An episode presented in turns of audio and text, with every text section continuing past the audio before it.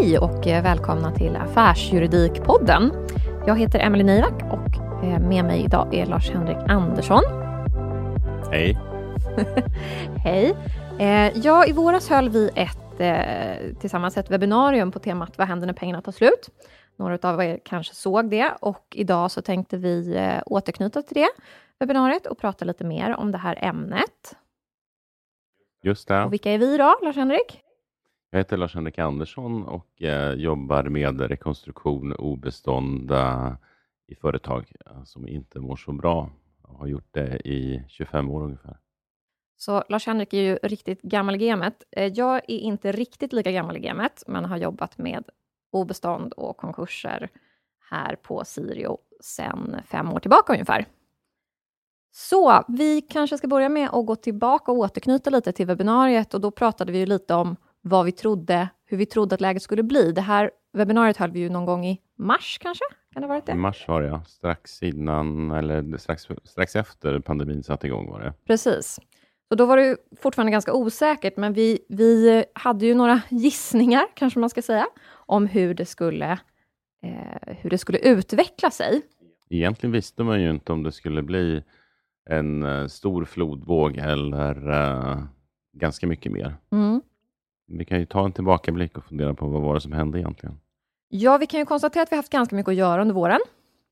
Eh, och det, jag tror att vi då pratar om också lite vilka branscher vi trodde skulle vara mest påverkade av eh, den här pandemin. Ja, det är intressant. Vilka var det då, som vi sa, och hur blev det?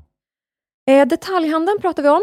Eh, och där har vi det var nog inte en helt dum spaning, för det har varit ganska mycket detaljhandelskonkurser. Ganska stora sådana också under våren här. Och inte minst hos oss. Inte minst hos oss. Vi har haft väldigt mycket med sånt att göra. Bland annat MQ och Shirt Factory eh, har vi jobbat ganska mycket med. Sen tittade vi på resebranschen va?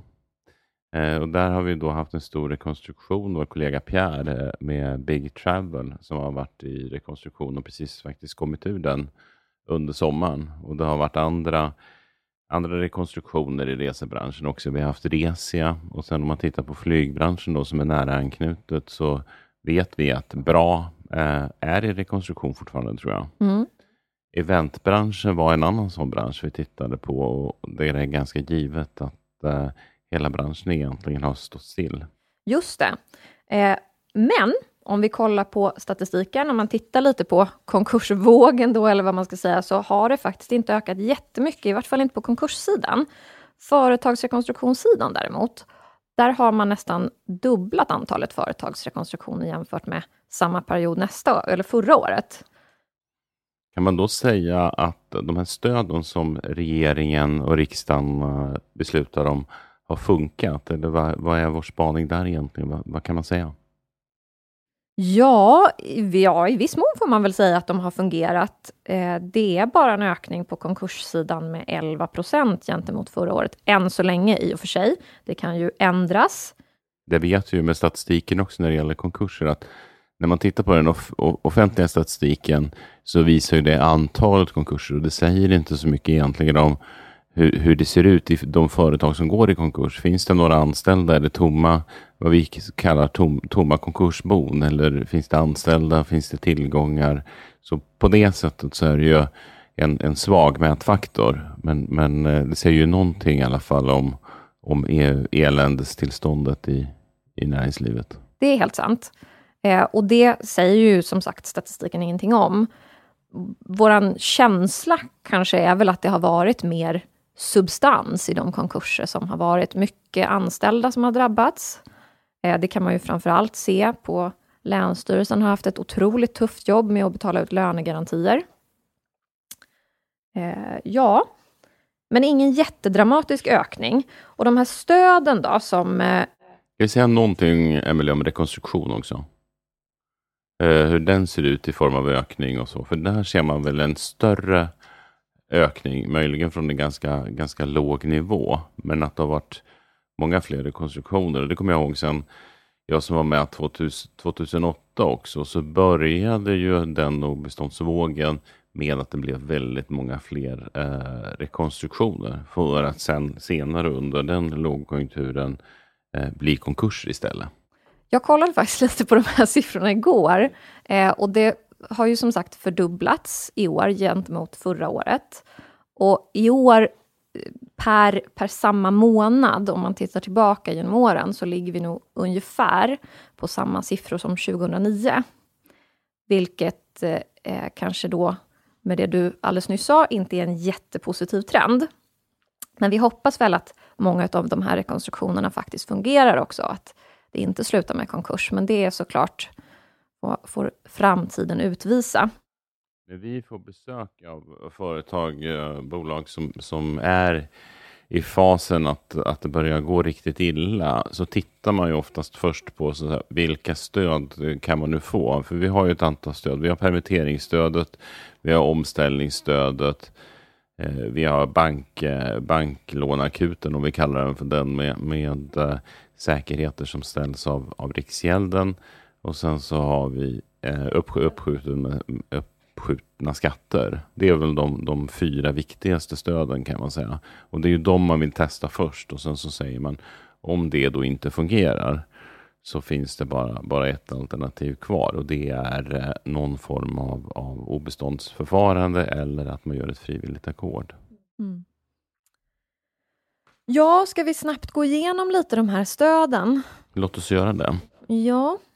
Eh, vi kan börja med permitteringsstödet då, som, som har varit väldigt mycket på tapeten under våren och sommaren. Många har ju eh, haft, haft minskad arbetstid, kanske ganska skönt under sommaren i det här läget. Eh, och har varit permitterade i vart fall på deltid. Och det här permitteringsstödet har ju varit, eh, verkar ha varit väldigt lyckat för många bolag som har fått en väldig lättnad i lönekostnader. Eh, men det är ju än så länge i vart fall, det som gäller, så är det ju inte outtömligt eller på en, eh, en framtid utan slut, utan det som gäller är att man kan få det här stödet som arbetsgivare i sex månader och med en potentiell eller möjlig förlängning då till ytterligare tre månader. Så någon gång under hösten här började man använda det här i april, när det väl drog igång. Så kommer man ju här under eh, på senhösten och börja, börja nå slutet på den här möjligheten att söka permitteringsstödet om inte eh, ingenting görs då från myndighetshåll, att man förlänger det här ytterligare. Många, många känner nog att de har jobbat lika mycket som de gjorde innan, men de varit permitterade till, till en viss del. Men på det sättet så är det ju ett direkt stöd till företagen som de har varit direkt beroende av, därför att intäktssidan har sjunkit, sjunkit ihop totalt. Ja. Omsättningsstö eller omställningsstödet då? Lars-Henrik, vill du dra det? Nej, dra det du. ja, eh, omställningsstödet då, eh, det har ju varit för de bolag som har kunnat uppvisa att de har haft eh, betydligt minskade intäkter. Då. Så då har man kunnat få Eh, ett bidrag helt enkelt från statligt håll som en, eh, en liten plåster på såren för de intäkter som man har tappat under, och det ska då självklart vara coronarelaterat. Eh, så beror det på någonting annat kan man inte, eh, har man inte möjlighet till det här stödet. Och det var ju lite debatt i början också om, eh, om man fick dela ut pengar samtidigt. Och där stramade man väl upp det så småningom och sa att man, aktieägarna skulle, man får inte göra aktieutdelning hur som helst, medan man får det här omställningsstödet. Vi nämnde ju förut också lånet uh, från bank, uh, bankerna som delvis är säkerställt eller garanterat av Riksgälden. Uh, och det är väl viktigt att, att nämna det. Intrycket är väl att det kanske inte har fungerat riktigt som man hade tänkt från början. Därför att en av förutsättningarna har ju varit att det var banklån eller företag som man skulle ha gett lån i vilket fall som helst.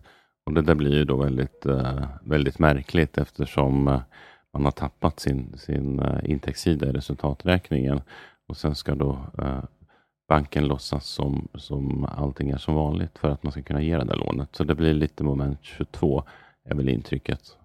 Jag kan inte siffrorna i detalj men, men känslan är väl att det inte har varit en lånevolym som man hade hoppats på. Nej, det är min känsla också. Eh, bankerna har nog hamnat lite, som du säger, i kläm. Man, man ska gärna eh, låna ut pengar, men samtidigt så ska man fortfarande göra en, en ordentlig kreditprövning och inte låna ut pengar om man, om man ser att eh, låntagaren helt enkelt inte kommer kunna betala tillbaka. Och det är ju såklart jättesvårt i en sån här situation. Framför allt för de bolagen som kanske haft det lite tufft redan innan. Sen är det viktigt också att säga det att detta, de, de här två första som vi nämnde, omställningsstödet och permitteringsstödet, det är ju bidrag som inte är återbetalningspliktiga. Medan naturligtvis det här lånet, eh, även om man får en garanti eller en säkerhet för att ta lånet, så ska de betalas tillbaka. Och samma med, med nästa stödåtgärd som vi nämner här, uh, anstånd med, med moms, arbetsgivaravgifter och skatter. Eller hur? Ja, precis. Eh, det här tillfälliga anståndet då som man kan få från, skatte, från Skatteverket med att betala in skatterna har ju... Eh, jag vet faktiskt inte riktigt hur många som har utnyttjat det. Och jag vet inte om det är möjligt att få fram siffror på det kanske, men eh, det kommer kanske så småningom. Men där är det ju ingenting som man... Det är ju i princip ett lån, fast från Skattemyndigheten. Det löper med ränta, det ska återbetalas och man har ju kunnat få, få uppskjutet då, eller tillfälligt anstånd med max tre månaders moms och arbetsgivaravgifter bland annat då. Och det här anståndet gäller i max ett år. Och sen ska ju pengarna betalas in, vilket betyder att har man valt att skjuta upp eh, och betala de här arbetsavgifterna och momsen, då behöver man få upp intäktsvolymer så småningom, så att man kan betala tillbaka inte bara de eh, skatter man har fått anstånd med då såklart, utan även de skatter som förfaller löpande normalt. Mitt, mitt intryck, känsla är väl att det här är den absolut vanligaste tillsammans med permitteringsstödet, att företagen eh, använder sig av. Man, man, får uppskov och det är ganska, ganska enkelt att få uppskov eh, under ett år med att betala skatten. Men det är som du säger, det ska ju betalas tillbaka. Sen gick väl räntan ner något, men det finns ju en, en, en eh, räntefaktor eh, i det här också. Mm. Ja, alltså de här stöden har ju lyckats eh, det måste vi väl ändå kunna säga, att de har ju lyckats eh, mildra vågen eller mildra slaget för många bolag, även om, om många bolag ändå har råkat i blåsväder. Så vad tror vi kommer hända i höst nu när de här börjar liksom så småningom? Så för, kanske man inte har möjlighet att använda permitteringsstödet längre. Man kommer snart behöva betala tillbaka skatter som man har skjutit upp.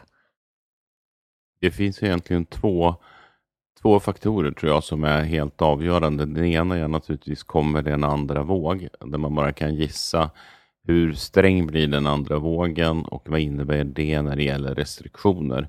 Sverige har ju varit försiktiga med att tillämpa restriktioner Eh, Eh, men det kan också bli så att de blir desto hårdare, för vi har det instrumentet kvar. Vad innebär det för restaurangverksamhet, eventverksamhet, gymverksamhet, samla eh, artister och, och, kulturevenemang och så vidare. Så där finns det en, en jätterisk naturligtvis. Den andra är ju en faktor som man inte, har, inte pratar så mycket om, men vi var ju på väg in i en avstannande konjunktur innan pandemin. Vilket innebär då att eh, den där skulle, med tanke på arbetslöshet och annat, kunna bli etter värre under hösten. Många pratar ju om att det ska bli ett V och att det finns ett uppdämt eh, behov nu för, av konsumtion och annat på grund av pandemin. Men där är ju också en fråga, blir det verkligen ett V eller kommer faktorn, eh, den negativa faktorn att, att överväga? Det är ju ingen som vet. Så det, det pågår ju nu väldigt mycket spekulation och gissningstävlingar egentligen om vad som ska hända, där ingen riktigt har svaret. Och Sen har vi då de här, som vi pratade om tidigare, uppdämda återbetalningsbehoven av skatt eh, och, och andra eh, lån som man kanske har tagit under pandemin som, som ska betalas tillbaka. Eh, hur klarar företagen med den intäktsbas de har, eh, oavsett om det normaliseras, och göra de återbetalningarna? Ja. Eh, ja, vi kan ju bara gissa, eh, även om eh, framförallt du som har sett, sett den här branschen i 25 år och sett konjunkturen gå upp och ner, kanske kan göra lite mer kvalificerade gissningar på just det här området. Å andra sidan kan man säga det, Emelie, att det enda man vet är att ingen, in, ingen lågkonjunktur ser ut som den, som den förra. Då alla har sin unikitet och det visar ju också den här. Ingen visste att det var en pandemi som skulle slå emot oss när den kom. Eh, uh, 2008 var det en konkurs i en stor bank i USA som utlöste allting. Dessförinnan så var det ja, först eh, 2000 och internetkrisen. Där man hade investerat för mycket i eh, internetföretag som, som, inte hade, som inte hade den mognad som, som behövdes. Och innan dess så var det fastighetskrisen som, som var skapad av eh, delvis inhemsk kris i Sverige. Så att alla, alla eh, kriser kan man säga ser helt annorlunda ut. Och vilket är, eh, om man får använda ett sånt drastiskt uttryck, skärmen med dem också. Ja, eh, vi hoppas ju kanske, kanske inte att den här är så supercharmig då, kanske den här, eller vi kanske hoppas att den är charmig. Eh, den här lågkonjunkturen, om den nu kommer, om det inte blir ett V, vilket många kanske hoppas på. Eh, men vi får väl se helt enkelt hur det utvecklar sig. Eh, men för er... Man kan väl säga så här bara, förlåt, men, men att eh, under sommaren, om man tittar på så, oss som en temperaturfaktor, så har det eh, varit en lite långsammare sommar, det vill säga den, det har inte varit så många frågor med akuta kriser i företag som man kanske hade. Och Det är ju då positivt i, i meningen att eh, det, det känns inte som att det är någon stor konkursvåg som är direkt förestående i augusti. Nej, eh, och i siffrorna i juli gick ju faktiskt ner. Konkursstatistiken i, i juli gick ner eh, med 5% tror jag. På Gotland stack de ut otroligt mycket, för där var det en, en konkursminskning från förra året med 100 och det kanske, kanske är en följd av, av hemestrandet eller svemestrandet eller vad man nu kallar den. Det kanske också säger någonting om att normalantalet konkurser på Gotland inte är så hög. Det kan det också vara. Det kan det absolut vara, kanske framför allt inte under sommaren. Um, så vi tänkte, eh, vi tänkte för er som nu kanske har använt er av de här stöden, av permitteringsstöden, och, eh, eh, eller jobbar i företag, eh, som har haft permitteringsstöd, omställningsstöd och, och där man kanske också har, har skjutit lite på skatterna. Eh, nu när de här så småningom kommer börja närma sitt slut och man måste börja ställa om för, eh, för vintern. Restauranger kanske inte längre kan ha uteserveringar. Det blev ju höst här väldigt snabbt. Från 30 grader till vad, vad var temperaturen i morse? 7. Ehm, så det går ju väldigt fort. Hösten kommer och då är det viktigt att vara förberedd. Så jag tänker att... Vi tar en liten eh, repetition av de regler som vi gick igenom på, på webbinariet och som kan, vara, som kan vara bra att ha med sig. Precis. Vi börjar med eh, vad är det som, vad är det som kan trigga en, en konkurs, en rekonstruktion eller att man faktiskt eh, tvingar sig att ta tag i, i situationen som, som helhet. Det brukar vara det personliga betalningsansvaret. Eh, I Sverige har vi ju inte ett personligt betalningsansvar i grunden för, för det företag man bedrivers eh, skulder. Men i vissa lägen så kan man få ett personligt betalningsansvar som följd eh, av, det, av företagsamhet och att man, man sitter i en styrelse eh, eller till och med som, som ägare i företaget, även om man inte sitter i styrelsen. Och vilka situationer är det? Ja, först kan vi då prata om kanske det personliga betalningsansvaret för kontrollbalansräkningsansvar. Eh, och kontrollbalansräkning är eh, ett ganska juridiskt uttryck kanske. Eh, det är, I ett aktiebolag så har man ju ett registrerat aktiekapital, ofta på 50 000. Och om man, det egna kapitalet i bolaget börjar dippa under en, en viss gräns och det är hälften av det här registrerade aktiekapitalet så har man 50 000 i registrerat aktiekapital, det vill säga så börjar det här ansvaret aktualiseras när man kommer under 25 000. I vi utgår helt enkelt från balansräkningen och så, så tittar vi på när vi gör tillgångar minus skulder så ska de inte vara under hälften av det registrerade aktiekapitalet. Precis, och är de det så måste man vidta lite åtgärder om man inte känner sig väldigt, väldigt trygg med att man är beredd att betala allting själv som styrelse.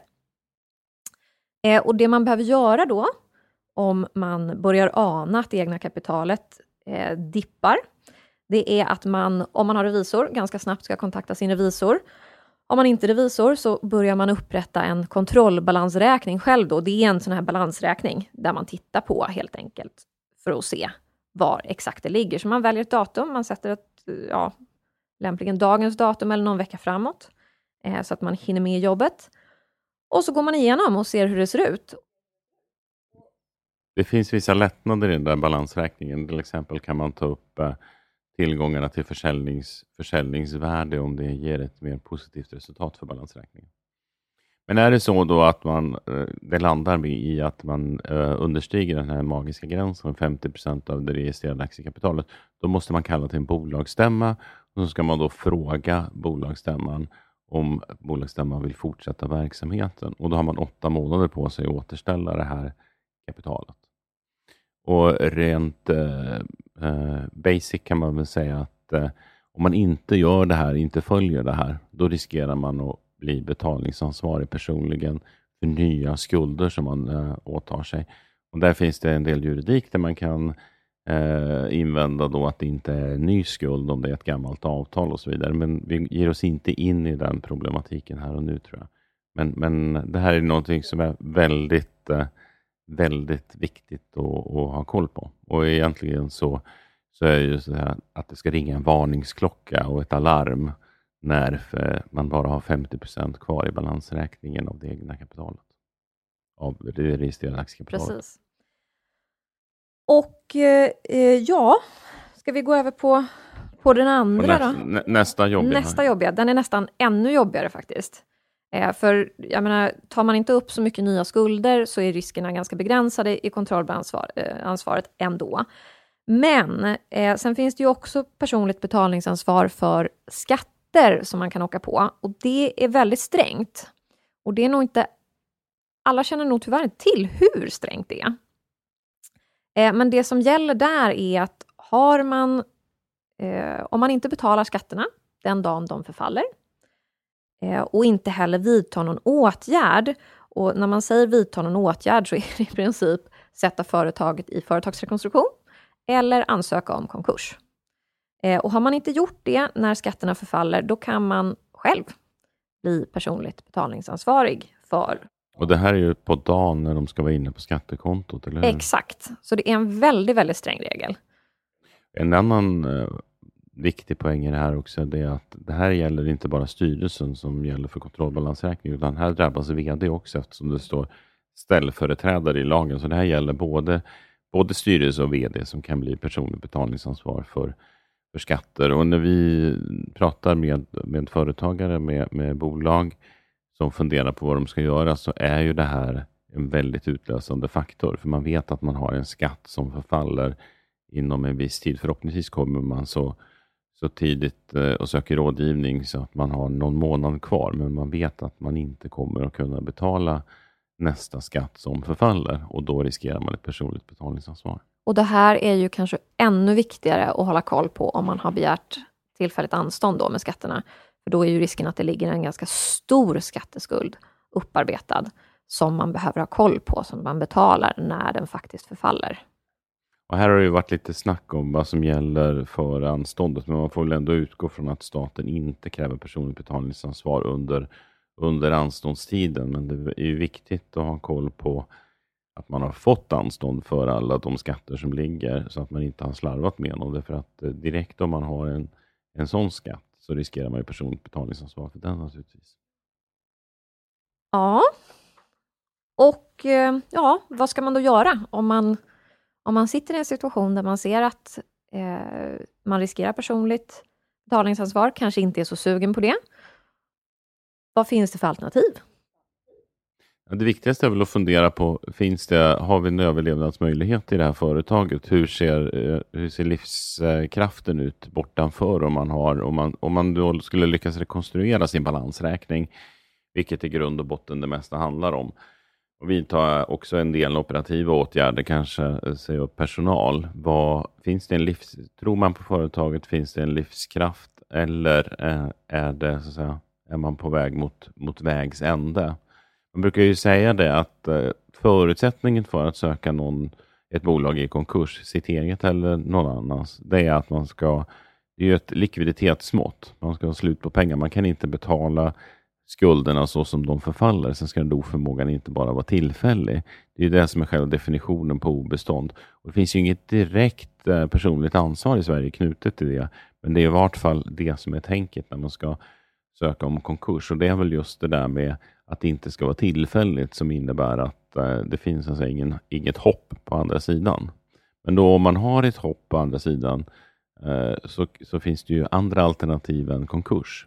Och det är ju framförallt företagsrekonstruktion eller att man genomför ett underhandsackord och börjar kontakta sina fordringsägare, sina borgenärer och fråga om man kan göra upp eh, för att rensa balansräkningen. Det är också en möjlighet. Och de som kommer till oss, de kommer ju ofta, det är ofta den här frågan som, som man ställer. De kommer ofta hit, har problem, vet inte vad de ska göra.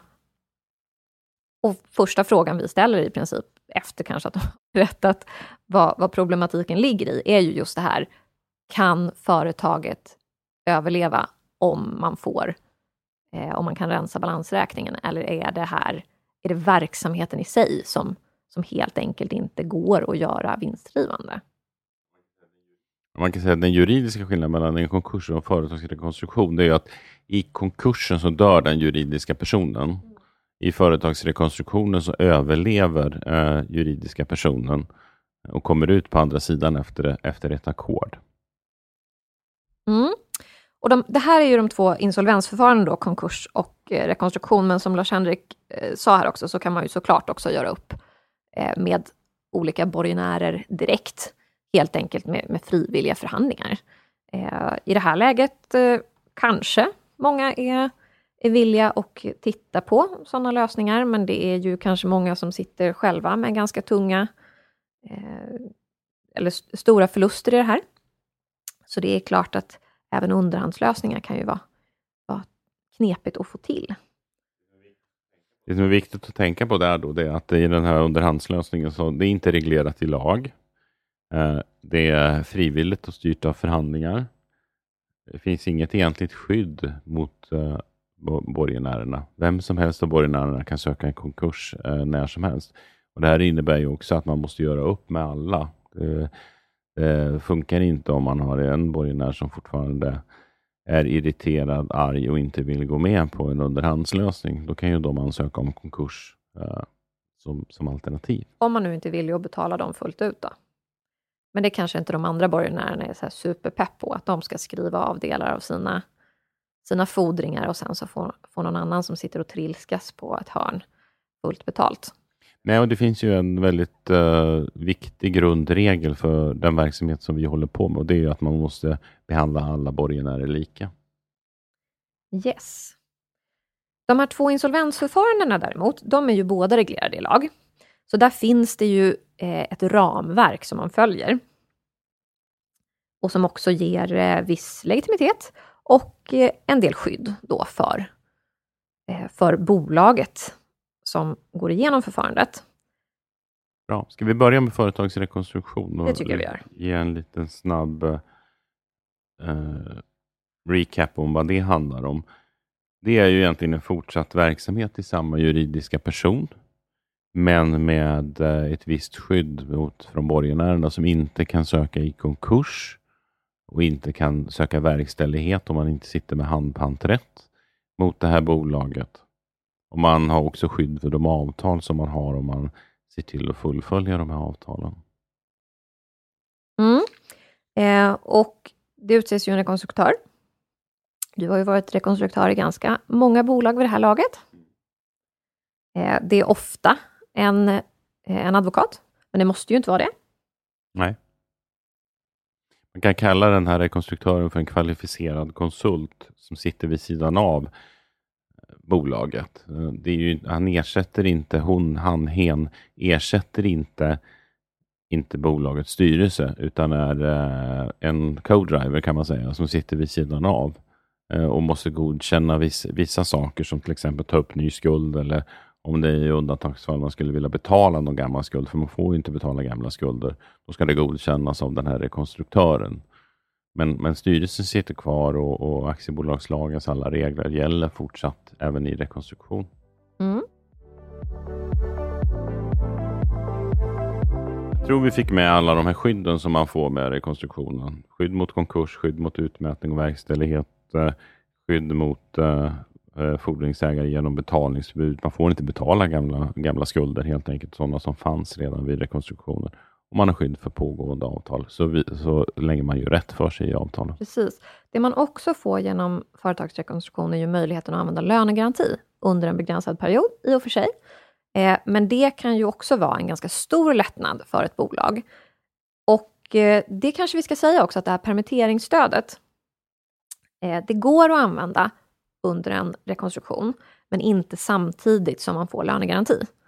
Eh, men att, man, eh, att ett bolag är i företagsrekonstruktion utesluter inte möjligheten att använda permitteringsstödet, även om, om andra eh, orsaker kanske kan göra att ett bolag i rekonstruktion ändå inte kan använda det. Och där fanns det ju viss osäkerhet vad som gällde när vi pratade förra gången i mars. Men, men nu är det väl klart att man kan använda det, men inte tillsammans med, med lönegaranti naturligtvis. Och sen så gäller kontantprincipen i rekonstruktion, det vill säga man kan inte fortsätta att dra på sig nya skulder, så det är viktigt att man betalar, eh, för leveran betalar leverantörer och annat som uppkommer under rekonstruktionen kontant. Man brukar säga att man får en stor likviditetslättnad genom att man inte behöver betala de gamla skulderna. Men å andra sidan så måste man betala leverantör under rekonstruktionen kontant. Vi brukar beskriva det här som att man behöver ha lite av en krigskassa när man går in i en rekonstruktion. Eh, just för att klara av och betala. Många kräver ju förskott för att leverera. Eh, eller så ska man betala upfront. Så de vanliga kredittiderna som man har haft kanske på 30 dagar, de gäller ju inte längre. Så är det. Ska vi prata lite grann om ackordet? Mm. Jättebra. Och eh, det är ju lite grann slutpunkten för företagsrekonstruktionen. Man syftar till att eh, det är inte alltid, man måste inte genomföra ett offentligt ackord. Men normalt sett så, så genomför man det. Och det är egentligen samma regler som gällde i Sverige innan vi fick en företagsrekonstruktionslag, eh, när man hade ackordslagen. Och det är då, eh, man kan söka om offentligt ackord när man har stöd av 40 procent av alla borgenärer, både antalet borgenärer och i belopp, så att säga, kapitalbelopp som man har utestående som ska betalas. Precis. Och det ett offentligt ackord är, för de som kanske inte har eh, var med på den gamla tiden eller kanske inte varit med om det här tidigare. Så ett offentligt ackord är ju att man, man sätter ner skulderna. Så en, eh, en fordringsägare eller en leverantör som har en fordran på 100 000 eh, betalar du av 50 000 så är det klart. Och Det här är ett röstningsförfarande då, så att eh, når man vissa majoriteter så kan man tvinga på minoriteten som inte gillar det här ackordet eh, att de får så att säga, inte fullt betalt. Skälet till att många borgenärer ändå röstar ja eh, till ett ackord, för det är ju ganska vanligt att ackord går igenom i en rekonstruktion, är ju ofta att alternativet är konkurs. Och i en konkurs så kan det vara betydligt svårare att få ut några pengar överhuvudtaget. Eller i vart fall inte lika mycket pengar. Vi drar röstreglerna här kort också när man väl kommer till den här ackordsförhandlingen, för då ska man ha med sig 75 procent av alla borgenärer och då räknar vi både antalet borgenärer eh, som röstar i ackordet och det totala utestående kapitalbeloppet. Så alla skulder som är oprioriterade, där ska man uppnå 75 procent av kapitalbeloppet för att få ner skulderna till 25 procent. Om man vill, eh, om man, det räcker med ett 50-procentigt ackord för att fortsätta verksamheten, då behöver man bara stöd av 60 procent. Men det är viktigt att veta att det är både av numerären av de som röstar i ackordet och det totala kapitalbeloppet som är utestående som det röstas om. Och Det här gäller då gamla skulder före rekonstruktionen, det vill säga inte sånt man har dragit på sig under rekonstruktionen. Ja, det var väl rekonstruktion i korthet. Ska vi gå över på konkurs? Ja, låt oss göra det. Det är ju kanske eh, ett lite mer drastiskt förfarande då, med tanke på att eh, eh konkurs är... Ett upp, bolaget upphör ju, inte direkt i och med en konkurs, men i samband med en konkurs och i samband med att den avslutas, så upphör ju också bolaget att existera. Det är viktigt dock att säga att man kan rekonstru rekonstruera också genom en konkurs. Precis, man kan rekonstruera verksamheten. verksamheten ja. Exakt. Eh, inte bolaget i sig, men verksamheten kan man absolut rekonstruera genom en konkurs. Eh, och det vi egentligen menar då är eh, att man sätter ett bolag i konkurs och att man sen från konkursboet köper loss verksamheten. Och då är det viktigt att säga det att till skillnad från en rekonstruktion så är ju konkursförvaltaren ersätter styrelsen och, och har full, full eh, kom, kommandorätt så att säga, över, över verksamheten. Och konkursförvaltaren måste ju bjuda ut verksamheten så att alla får chans att bjuda på den. Eh, så det, det funkar inte att vara helt säker och säga att nu köper jag tillbaka, nu sätter jag det i konkurs och köper tillbaka verksamheten. Utan den måste konkurrensutsättas. Det är väldigt viktigt att veta. Så det finns ju ett osäkerhetsmoment i konkursalternativet om man har tänkt sig att rekonstruera genom konkurs. Precis. Om man då inte är beredd att gå in med väldigt mycket pengar för att köpa tillbaka den här verksamheten. Ja, men, men som sagt man måste också veta då att man har pengarna för att köpa tillbaka om det blir eh, i konkurrens med andra. Och Det som händer då i en konkurs, det är ju att, eh, ja, som du sa, en konkursförvaltare utses. Eh, du är ju konkursförvaltare, har ju haft väldigt många uppdrag här under våren och även under sommaren och lite större uppdrag där det har varit mycket att göra. Så vi har haft ganska många sådana här processer där vi har sålt eh, verksamheter. Ganska många lyckade processer också, eh, vilket är kul att se att både personal då får möjlighet att fortsätta jobba i ett nytt bolag i och för sig, men i samma verksamhet och rädda några jobb, men också att eh, eh, spännande verksamheter kan leva vidare. Eh, och styrelsen har ju inte heller längre någon rådighet, precis som eh, Lars-Henrik sa. Eh, Bolagets avtal då? Vad händer med för borgenärerna från de som sitter med avtal mot ett bolag som går i konkurs? Den här är ju ganska komplicerad eh, och knepig, men, men normalt sett så, så står det, eller det är inte ovanligt ska jag säga, att det står i avtalet att man kan häva i konkurs. Men det som är lite speciellt då är att konkursförvaltaren och konkursboet alltid har en inträdesrätt. Men konkursboet kan ju inte inträda delvis i avtalet, utan då måste man träda in i hela avtalet. Så den värdering konkursförvaltaren gör är ju om det är förmånligt för alla borgenärer att träda in i de avtalen. Konkursförvaltarens viktigaste uppgift, det är ju att maximera utdelningen för borgenärerna. Det är alltid det man måste ha för handen. Att borgenärerna får ut så mycket som möjligt. Svenska konkursförfarandet är väldigt mycket ett borgenärsstyrt förfarande. Så om det är förmånligt för borgenärerna så kan man träda in i avtalet. För oftast finns det ju både eh, skyldigheter och rättigheter i ett avtal. Och då ska man komma ihåg att när man säger att det är, eh, är, är, bra för borgenären eller att det är förmånligt för borgenärerna så gäller inte det en enskild borgenär, utan det här är ett, eh, ett ja, vad ska man säga, det är ett kollektivt intresse. Så man tittar på samtliga borgenärers intresse vilket ju inte alltid är detsamma som en enskild borgenärs intresse. Vi är tillbaka till den lika behandlingsprincipen som vi pratade om förut, som är så viktig i alla de här sammanhangen. Och där är det ju så då att eh, om det är gynnsamt för borgenärerna så kan man fortsatt, bedriva fortsatt drift i en konkurs med verksamheten och det har vi gjort i detaljhandelskonkurserna som vi har haft, att man har haft utförsäljning.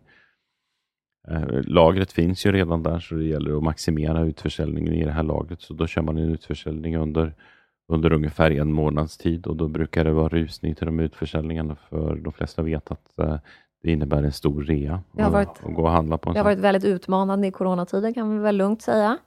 Eh, väldigt speciellt. Eh, och under den här driften så får man då också hjälp att betala lönerna genom att den här statliga lönegarantin som vi pratade om i företagsrekonstruktionen, den har man också i konkurssammanhang. Precis, och det är ju ett väldigt bra stöd för framförallt de anställda i konkurssituationen. Att, eh, att man får den här lönegarantin då som går in och täcker upp så att man inte står på bar backe från dag ett.